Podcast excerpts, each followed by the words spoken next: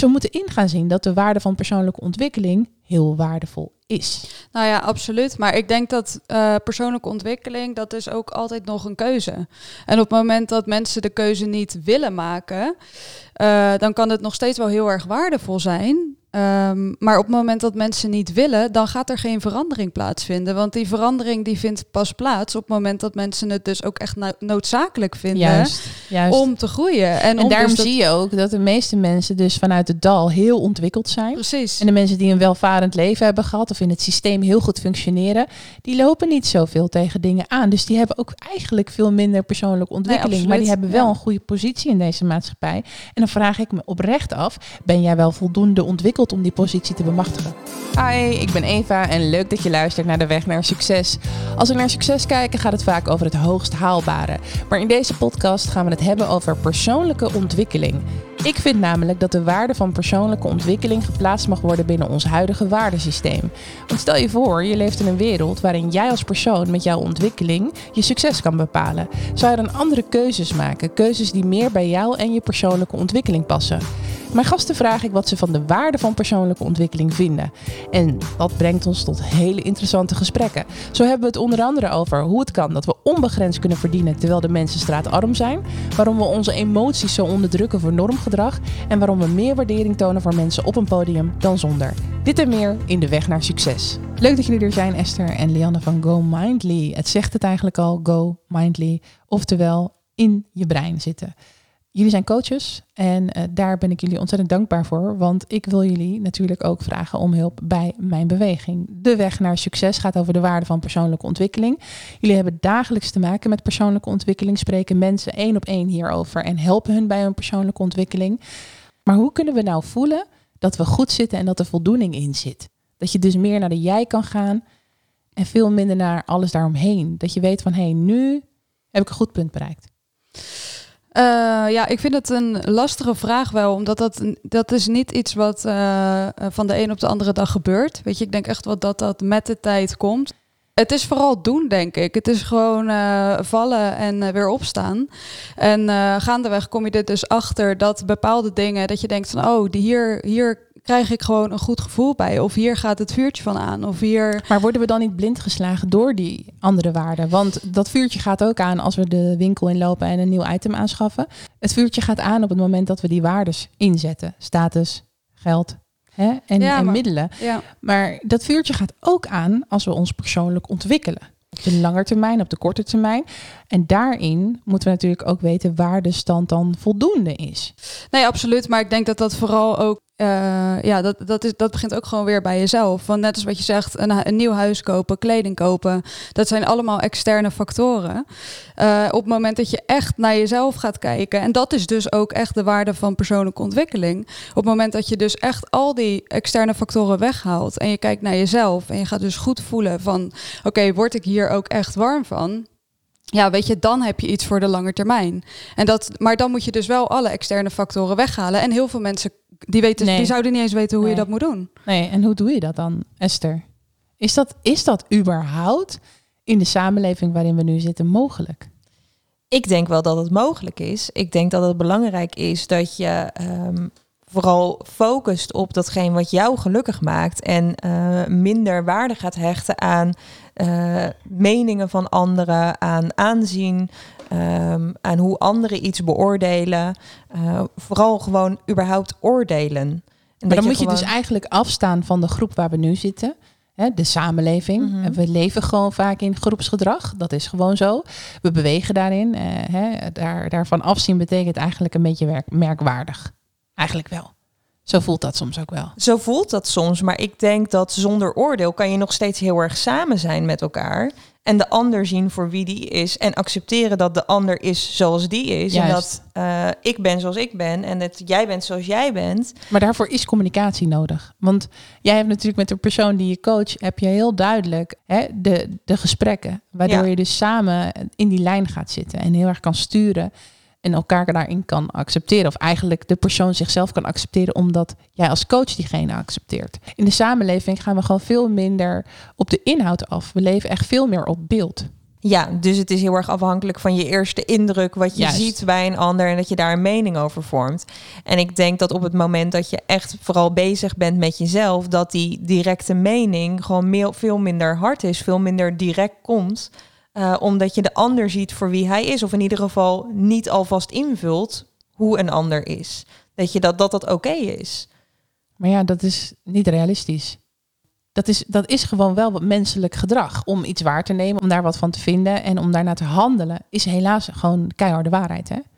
Maar ook dat, uh, zeg maar, dat je een. Uh, uh, mensen hebben een oordeel van dingen, omdat dat vaak ook iets is wat bij jezelf ontbreekt. Of wat, wat dat is toch een vorm van jaloezie of, of iets wat, wat bij jezelf mist.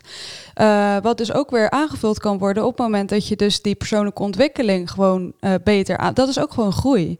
Op het moment dat jij zelf staat voor wie je bent en je bent, je bent er helemaal oké mee, heb je minder snel een oordeel over een ander. Omdat je, je, bent, je bent gewoon oké. Dus je wordt ook gewoon minder vatbaar. Zeker. Ja, en dat is eigenlijk wat we dus zijn, vatbaar. Ja, absoluut. Je kan het echt als een virus beschouwen eigenlijk. We hebben het nu over corona. maar eigenlijk hebben we al lang met een virus te maken wat echt bestreden moet worden. En dat is dit, de waardes die wij uh, op, een, op een bepaalde manier te veel naleven. Ja, ja. En wat ons te in de weg staat. Want we krijgen daar wel degelijk klachten bij. Want jullie als coach zien regelmatig mensen voorbij komen, hoeven we geen namen te noemen. Maar waar lopen de meeste mensen op vast? Waardoor ze niet meer goed kunnen bewegen in hun ontwikkeling. Ik denk toch wel de prestatiedrang.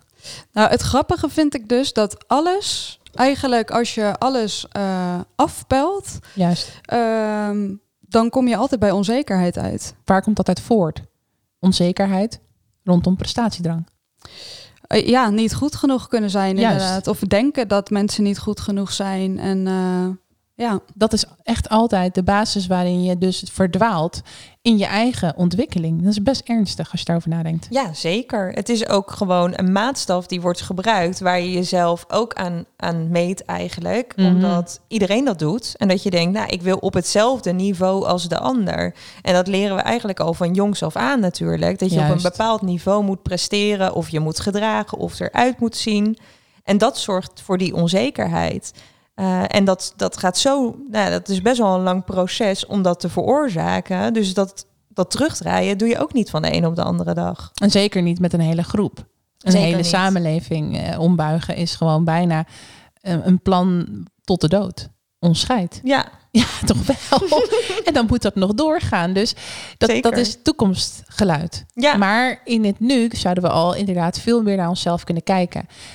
En ook denk ik beter naar anderen moeten willen kijken. Precies wat jij net ook zei. Gewoon de communicatie aangaan met iemand. Een gesprek voeren op basis van eh, wie ben je? En daarachter willen komen vanuit de persoon en niet willen invullen. Maar dat invullen, dat zit natuurlijk ook een beetje in ons systeem. Hè? Ja. Want wat we al hebben geconcludeerd is gewoon een feit. We denken heel erg beeldend en daarop handelen we veel sneller dan dat we echt gaan doorzoeken. Ja. Wat heb je ontwikkeld? Op het moment dat je die vraag krijgt, ik merk het zelf ook, is het een soort van een onnatuurlijke situatie, want die krijg je gewoon niet snel en daar denk je ook niet dagelijks over na. Maar het roept wel zoveel in je op, want waar ga je dan op antwoorden? Wat ga je dan zeggen? Ja, nou ja, precies. Dat merk ik dus ook. Als je mij nu die vraag stelt, dan, dan overvalt het me eigenlijk een beetje, want je bent het niet gewend.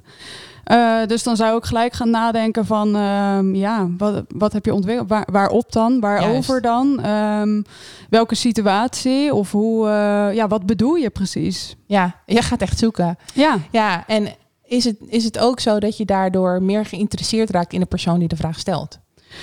Ik denk namelijk wel. Ja, ik denk op het moment dat je dus uh, echt dat gesprek aangaat, dat je dan wel uh, op een ander niveau interesse krijgt in elkaar. Juist. Dat juist. je dus een, want je hebt gewoon een veel diep, uh, dieper gesprek dan dat je normaal hebt met alles goed en uh, ja, en ook, en ook daarin maakt het dus eigenlijk niet uit hoe de persoon overkomt in, in aanzicht of zo. Weet je, het kan misschien niet heel aantrekkelijk voor je zijn, zoals je normaal gesproken je gesprekspartners opzoekt. Hey, dan heb ik het niet over per se een, een heel mooi iemand, maar iemand trekt je aan op uiterlijk om misschien wel of niet dat gesprek te voeren. Hè, dat, dat is gewoon een gevoel. En door dit soort vragen kun je wel weer eh, in contact komen met mensen bij wie je dat gevoel helemaal niet ervaart. Nee, nee absoluut niet. toch triggert. Ja, maar ik denk wel dat daarbij de, de setting is wel belangrijk. zeg maar los van hoe iemand er qua uiterlijk uitziet, is de, de setting in, in waar je het vraagt, is, is, zou voor mij in ieder geval wel een, een grotere rol spelen. Kun je een voorbeeld geven van een, een verkeerde setting? Een verkeerde setting. Ehm, ja, nou ja, stel dat ik. Ik, ik zou het bijvoorbeeld een goede setting vinden op het moment dat je ergens op een feestje bent en je bent even apart, even. Of nou ja, je bent gewoon überhaupt op een feestje. Dan is het leuk om zulke soort dingen te bespreken. Of je bent op een verjaardag of uh, een, uh, ja, je bent met mensen bij elkaar. Uh, maar als je ik weet nou niet of ik het heel relaxed zou vinden. Stel dat ik uh, op de bus sta te wachten en er komt uh, iemand naast me staan en die vraagt ineens: uh, wat heb jij ontwikkeld? Dan... Ja, en ik wil hem toch omdraaien. Ik denk namelijk wel dat het andersom een betere setting is. Want op het moment dat je op een feestje bent, dan ben je veel sneller geneigd om afgeleid te zijn. Je bent met veel meer mensen, dus het is daardoor minder persoonlijk.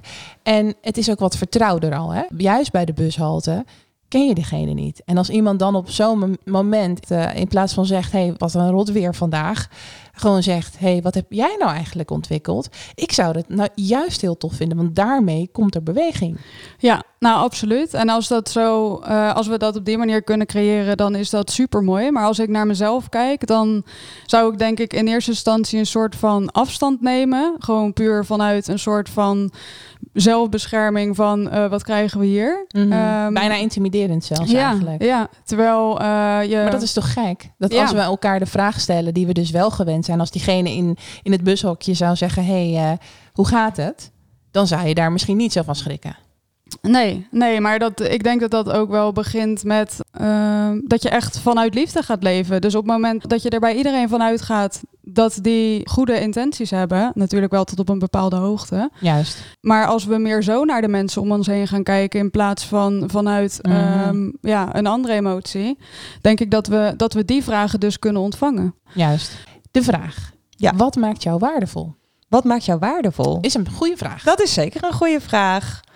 Ja, en je gaat dan ook gelijk denken van, wat, wat maakt mij waardevol? Precies. Ja, pittig. Ik denk dat... Wat zou, jij, wat zou jij als eerste willen zeggen als het die vraag gesteld wordt? Over mezelf? Ja.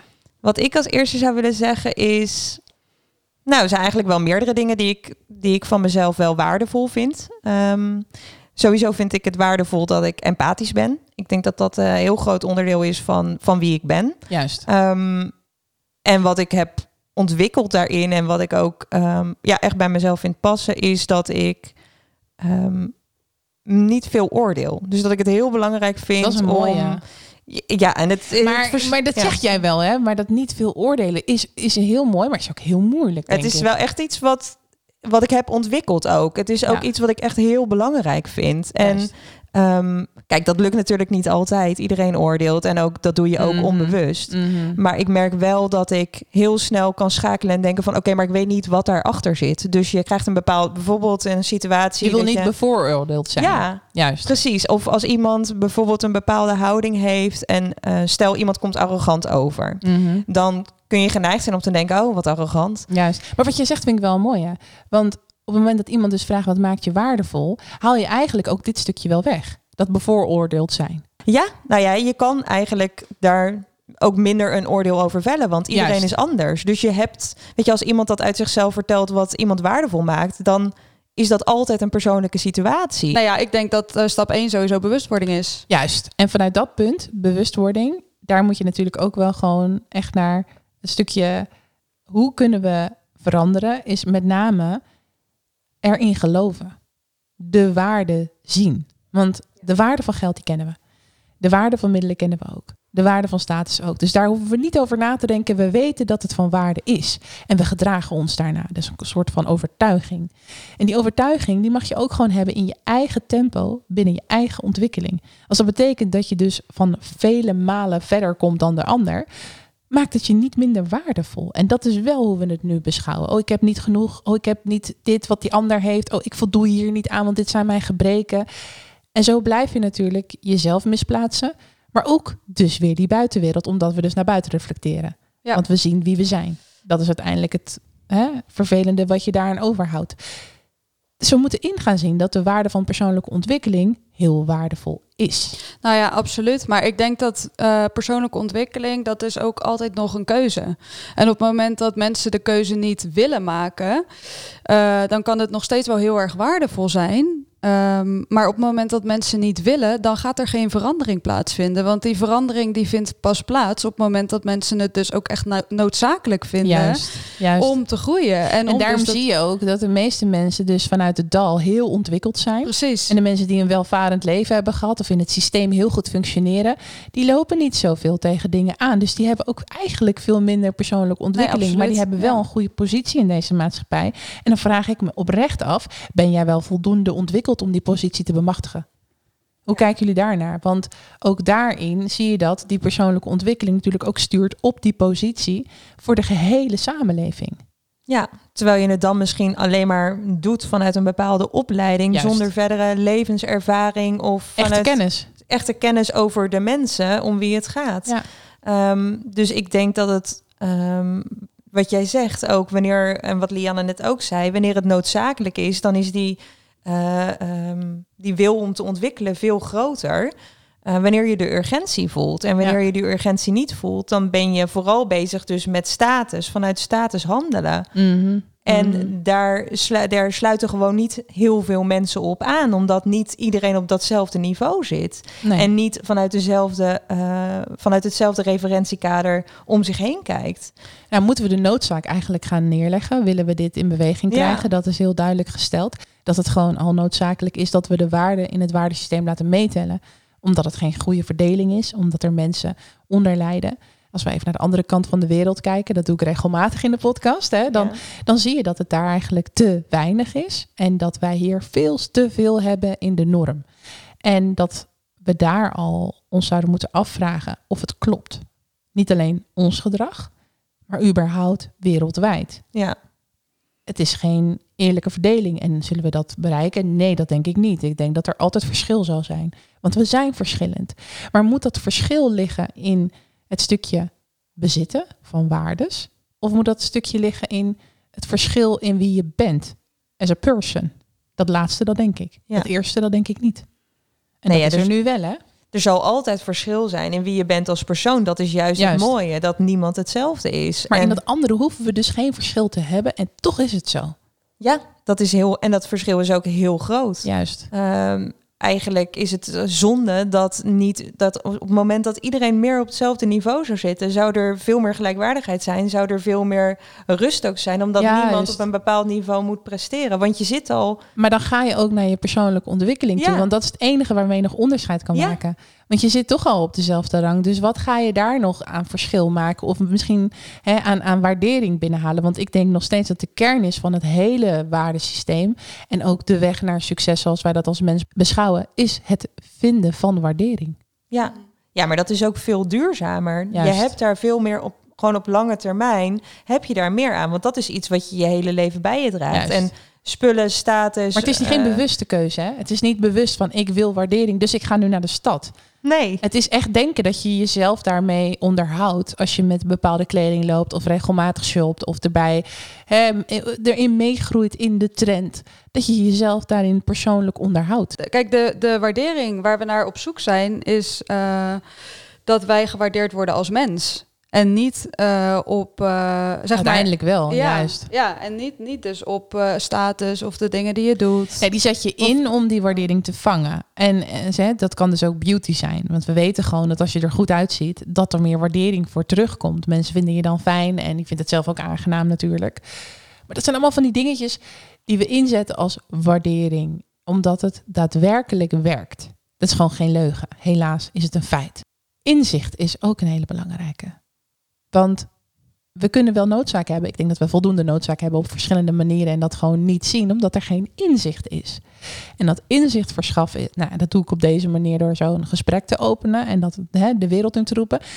Maar het inzicht zit ook echt in het voelen waar wat goed zit. En omdat we dus al in het systeem uit balans leven, is het ook heel moeilijk om dan nog te snappen wat dan normaal is buiten het normale om. Want dan ga je even van spoor af, hè? Ik denk dat wanneer je um, dingen uitschakelt. Dus uh, geluiden die je van buitenaf hoort. En mening die al is gevormd. Maar dat je gewoon echt dat uitschakelt en probeert even pauze te nemen en zelf te kijken. En weet je, we nemen ook bijna geen pauze meer. We gaan maar door. Je hebt hmm. altijd een moment. Ik bedoel, een pauze is even op je telefoon. En dan lees je ook weer van alles wat overal van wordt gevonden. Wat er gebeurt in de wereld.